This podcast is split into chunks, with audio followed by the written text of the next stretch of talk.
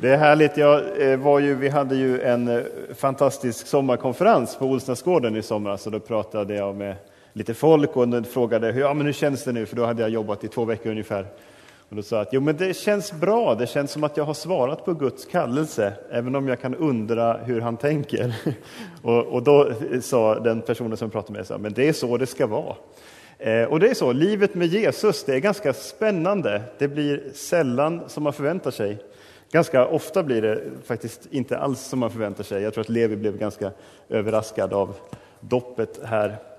Eh, igår så var jag och såg filmen Jesus Revolution och jag vill bara passa på att säga att om ni inte har sett den så försök göra det. På många ställen kommer den visas någon vecka till nu. Eh, en fantastisk film, eh, rent som filmmässigt sett, men också en underbar skildring av hur Gud gör otippade saker med otippade människor. Och det är ju också vad evangelierna är. En skildring av hur Gud gör otippade saker med otippade människor. Jesus samlar de tolv lärjungarna, en ganska brokig skara människor med en hel del problem. De har svårt att fatta, de har svårt att hålla sams, de börjar tävla om vem som ska få vara den finaste av dem. Och de verkar ganska ofta missförstå vad Jesus vill. Och så har de vandrat omkring några år med lite varierande framgång. Ibland har de blivit bortkörda, men ibland så har hundratals, ja till och med tusentals följt dem för att lyssna och för att ta emot det Jesus vill ge. Och då säger Jesus, nu ska vi gå till Jerusalem för jag ska dödas. Det är också ganska otippat. Eh, och uppstå, lovar han i och för sig. Eh, och det här är så centralt att när Lukas skriver sitt evangelium, det vi kallar för Lukas evangeliet, då låter han den här färden till Jerusalem, resan till Jerusalem, ta jätte, jättemycket plats. Alltså det som troligtvis bara handlar om några dagar, det, det liksom brer Lukas ut. I princip halva Lukas evangeliet skulle man kunna säga, utspelar sig under den här resan som han presenterade. Eh, han skriver i början av sitt evangelium att han vill berätta om sakerna i rätt ordning. Och då är det lätt för oss som moderna svenskar att tänka rätt ordning, det måste ju vara kronologiskt, att han beskriver exakt varje sak i den ordning som det hände. Men det är inte säkert att han tänkte så, han kanske hade en annan liksom, strategi. Och det där med rätt ordning är snarare för att han sätter saker i en viss ordning för att få fram sina poänger. Och han lägger in jättemycket i den här resan för att visa hur det här är det viktigaste. Allt det Jesus gör, allt det Jesus säger pekar framåt mot korset, mot uppståndelsen. Och en sak som händer flera gånger under den här resan, det är att Jesus hälsar på folk. Han kommer hem till människor. Han blir bjuden på mat och han samtalar med dem. De första som Lukas berättar om att det här sker hos, det är Marta och Maria, som vi hörde om precis i texten. Eh, det står bara att de bor i en by i Lukas evangeliet. Från Johannes evangeliet så kan vi lära oss att byn är Betania, strax utanför Jerusalem. Och här kan man förstå att Lukas nog inte tänker sig en kronologi, för sen är det jättemycket mer som händer innan Jesus är framme. Från Johannes får vi också veta att Marta och Maria har en bror som heter Lazarus. Ni kanske känner igen namnet, det var han som dog men blev uppväckt. Och det är en helt annan berättelse förstås. För i dagens text, i dagens berättelse, så är det Marta som står i centrum. Hon är den som bjuder hem Jesus. Hon verkar vara den som liksom har hand om hemmet. De bor tillsammans, men det verkar vara lite hon som styr. Kanske är hon äldst, jag vet inte om det är någon mer än jag som är äldst i syskonskaran här. Kanske känner igen sig lite i det här att vara den som fixar och donar, vara duktig och ansvarsfull. Eh, och om du inte är äldst men har äldre syskon så kanske du också känner igen det där och tycker att det snarast är lite präktigt. Det kan vara frestande i sådana här texter att försöka lista ut vad Marta har för motiv när hon kommer till Jesus. Jesus sitter där med lärjungarna, Maria har tagit plats där och Marta fixar med allt det praktiska. Det blir väldigt mycket att fixa när man har en gäst hemma. Man vill städa till så det är snyggt och man vill ordna något gott att bjuda på. Och så kommer Marta med det här till Jesus. Varför gör hon det? Är det för att hon vill visa hur duktig hon är kanske? För att hon vill ha lite beröm? Eller vill hon faktiskt ha hjälp? Är hon faktiskt stressad över allt det där? Ja, Jesus han kunde ju veta vad som fanns inuti människor. Och det kan även folk i Söderkyrkan. Tack! Så Jesus han ser förstås rakt in i Marta också. Han ser hennes oro, hennes bekymmer. Det är det han säger. Marta, Marta, du bekymrar dig för så mycket. Marta, Marta. Det här att han upprepar namnet, det är något som Jesus bara gör när han vill visa kärlek, när han vill visa omsorg. Han vill visa att han verkligen, verkligen bryr sig. Du gör dig bekymmer och du oroar dig för så mycket, fast bara en sak behövs. Ett är nödvändigt. Allt det här Marta gör är inte dåligt på något sätt, det är inte det Jesus försöker säga. På många sätt så framstår Marta som en förebild i den här berättelsen. För det är hon som bjuder hem Jesus, hon tar emot honom, hon ordnar för honom. Hon gör allt det där som är bra att göra. Men så bekymrar hon sig. Hon fokuserar på fel saker. Hon blir så upptagen med allt det här fixandet för Jesus att hon liksom glömmer bort att han är där nästan.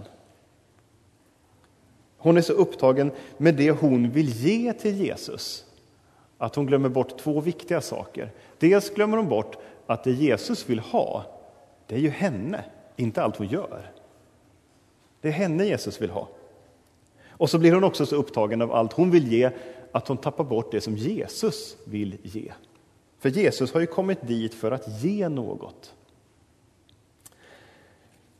Det här har lilla syster Maria verkat förstå. För hon har liksom greppat att det viktigaste som finns just nu när Jesus är här, det är ju att sätta sig där. Att sitta vid honom och lyssna till honom och försöka fokusera på honom istället för mig själv. Det här är också lite otippat, för hon tar en plats som egentligen bara var för män. Uttrycket att sitta vid någons fötter är vid den här tiden ett uttryck för att vara någons lärjunge. Paulus använder det eh, någon gång när han pratar om att han har suttit vid Gamaliels fötter. Att han har gått i den skolan, liksom varit den lärjungen. Och att vara någons lärjunge, att gå hos som lärjunge hos en rabbi, hos en mästare, det var liksom inte aktuellt för kvinnor där och då. Men för Jesus är det självklart att också Maria har en plats. Den bästa platsen för henne, den är just där, vid Jesu fötter. Och även om ingen, kanske inte ens Maria själv, skulle våga säga det att jag, nu är jag en lärjunge, så behandlar Jesus henne som det. Och då blir hon ju det. Och så kan hon lägga till det till sitt CV. Jag är inte bara kvinna, jag är också lärjunge. Nu hade man kanske inte CV på den där tiden, men, men vi har ju det. Och då kan det vara frestande för oss att tänka att vi liksom ska fånga en hel person i ett CV. Om vi ser någons CV så vet vi vem det är. Varje grej som står där blir liksom ett streck i en ram på en liten box där vi kan stoppa in människan. Och det behöver inte bara handla om CV, det kan vara ett betygsdokument från skolan till exempel. Som om det skulle säga allt om dig. Eller en eh, presentationsfält på internet, så här, beskriv dig själv max 100 tecken. Okay? Jag är kristen, jag är gift, jag är pappa till två barn, bor i Uppsala, jobbar för EFS, tycker om, ja det var slut på, slut på tecken. Och så blir det ganska trångt. När vi beskriver och liksom definierar oss själva utifrån det vi gör, så blir det ganska trångt. Det blir absolut trångt när andra gör det. När andra tittar på ditt CV eller ditt betyg och säger jaha, du är en sån där. Men det blir också trångt när vi själva gör det. Man kan tänka att om jag själv får sätta upp min box, då blir det bra utrymme. Men du kommer, alltså försöker du det så kommer du märka att det kommer skava någonstans. Också om du försöker sätta upp dina egna ramar så kommer det bli för trångt där inne. Den boxen kommer vara för liten. Och det är en sak som Jesus vill göra, en sak som Jesus gör hos Marta och Maria och en sak som han vill göra i ditt och mitt liv. Han vill liksom kalla oss ut ur våra boxar. Ut ur de där ramarna där vi stänger in oss själva. Han lyckades, men Maria förstod det där, så hon gick och satte sig vid hans fötter, fast det egentligen inte borde vara hennes plats, så var det det. och det fick hon upptäcka. Och det är som att Jesus försöker peppa Marta till det också. Kliv ut ur den där duktiga stora systerboxen ett tag. Kom hit och var dig själv. Inte så att Jesus vill att vi ska leva liksom ett kaosliv utan ramar, utan gränser. Eh, men ett liv där han får definiera de där ramarna, de där gränserna. Där han får definiera tillvaron, inte jag. För det kommer vara vissa områden där Jesus vill strama åt. Där han säger, här har du gått lite för långt Pontus, nu behöver du backa och gå åt ett annat håll. Men det är ändå så att den där friheten som Jesus ger, den blir mycket, mycket större än om jag själv ska försöka bestämma över mitt liv.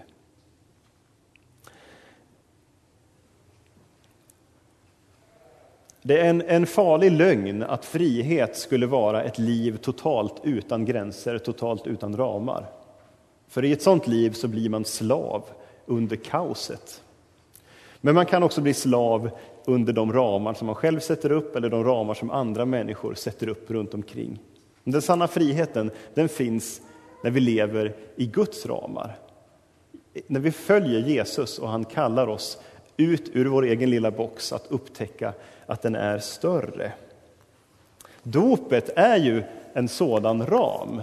I dopet så får vi massa saker, men vi får också en ny identitet i Kristus. Vi får en ny identitet som Guds barn, Kristi medarvingar inlemmade i honom, förenade med Gud.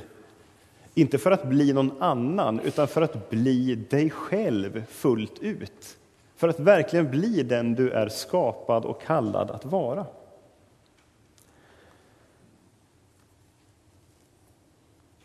Och I dopet så är det som att Jesus också kommer hem till oss. Inte bara en gång när vi döps, utan varje dag när vi är döpta så säger Jesus, hej, nu är jag här igen. Och så får han komma hem till oss, vi får ta emot honom som gäster i vårt liv. Och då behöver vi inte bekymra oss över hur det ser ut där eller vad vi ska bjuda på. Utan vi, det är inte därför han är där, han kommer för att ge oss någonting. Och vi får precis som Maria sätta oss vid hans fötter och ta emot det han vill ge. Han vill ge sitt ord, han vill ge sig själv till oss. Han kommer för, just för att korset som är så centralt ska bli ännu mera verkligt också i ditt och mitt liv. Och idag när vi får fira mässa så får vi också, precis som Maria, sitta vid hans fötter och ta emot det han ger. Vi får samlas vid hans bord, inte för att vi ska behöva bjuda på någonting, utan för att han själv bjuder oss. Han bjuder av sig själv, han bjuder in oss till ett liv som är större än vad vi vågar hoppas på. Ära vare Fadern och Sonen och den helige Ande, så som det var av begynnelsen, nu är och skall vara, från evighet till evighet. Amen.